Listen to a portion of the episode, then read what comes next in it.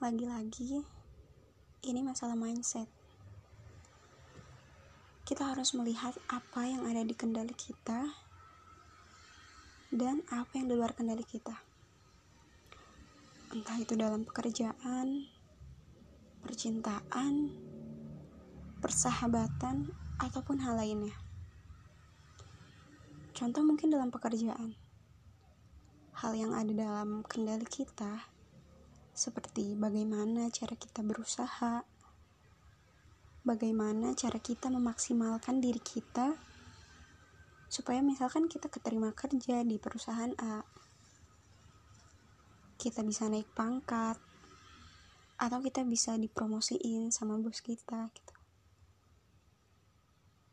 Nah, hal yang di luar kendali kita itu terkait hasil, terkait orang itu mau menerima kita atau terkait kita naik pangkat atau enggak itu hal di luar kendali kita teman-teman.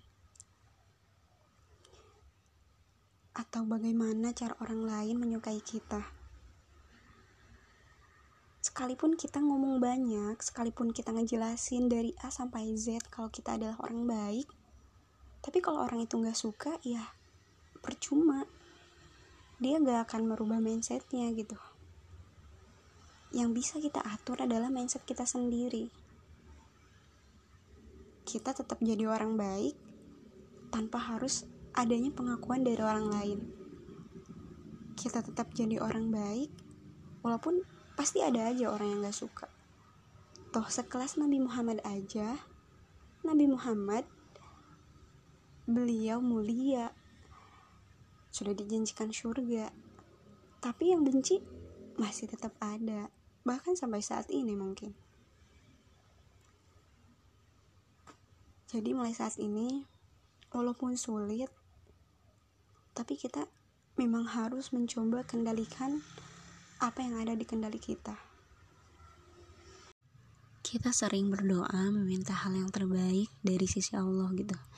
Ya Allah tolong berikan keputusan yang terbaik dari ya keputusan-keputusan yang ada gitu karena kita kan seringnya bingung nih. Karena hidup itu pasti dihadapin sama yang namanya sebuah pilihan gitu.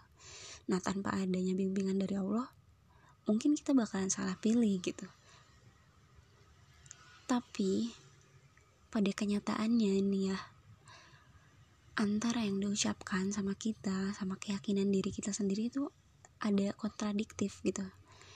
Kita bilang ya Allah kita berdoa nih. Ya Allah tolong berikan uh, keputusan terbaik di sisimu gitu. Tapi hati kita itu tetap pengen keputusan yang terbaik menurut kita gitu. Itu terkadang terjadi kan ya. Nah padahal Allah tuh berfirman dalam surat Al-Baqarah ayat 216 Bismillahirrahmanirrahim. Wa asa an takrahu syai'an wa huwa khairul lakum.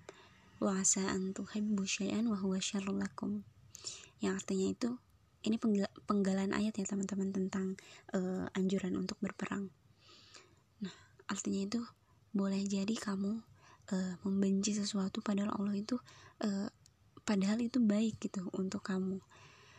Dan boleh jadi kamu uh, mencintai sesuatu atau menyukai sesuatu padahal itu buruk bagi kamu. Itu Allah yang bilang dalam surat Al-Baqarah ayat 216 nah jadi apa yang kita uh, bisa petik dari ayat itu bahwa keputusan yang Allah uh, inginkan dengan apa yang kita inginkan itu bisa jadi berbeda teman-teman. Karena Allah lebih maha tahu dong sama apa yang terbaik untuk hambanya. Jadi kalau sekiranya kita udah berdoa nih sama Allah meminta yang terbaik ketika kita dikasih petunjuk untuk sebuah pilihan yang menurut Allah baik dan menurut kita tidak baik dalam artian tidak baik itu mungkin uh, artinya luas entah kita karena tidak suka dengan hal itu atau kita lebih suka dengan uh, yang satu lagi gitu. Tapi coba kita renungi gitu. Apakah ini memang eh, sama-sama uh, yang terbaik gitu versi kita dan versi Allah? Jangan-jangan ini terbaik versi kita doang nih. Versi Allahnya bukan gitu. Jadi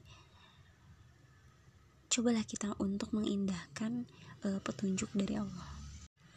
Assalamualaikum warahmatullahi wabarakatuh. Selamat sore teman-teman. Nah karena hari ini hari Jumat Ada banyak sekali amalan-amalan sunnah yang bisa kita lakukan pada hari Jumat. Dan salah satunya adalah dengan memperbanyak baca sholawat. Adapun salah satu sholawat yang bisa kita baca pada hari Jumat adalah Quran Surat Al-Ahzab ayat 56 Inna Allah wa malaikatahu yusalluna ala nabi Ya ayyuhalladzina amanu sallu alaihi wasallimu taslima Al-ayah. Nah teman-teman lalu apa sih keutamaan kita dalam membaca sholawat pada hari Jumat? Nah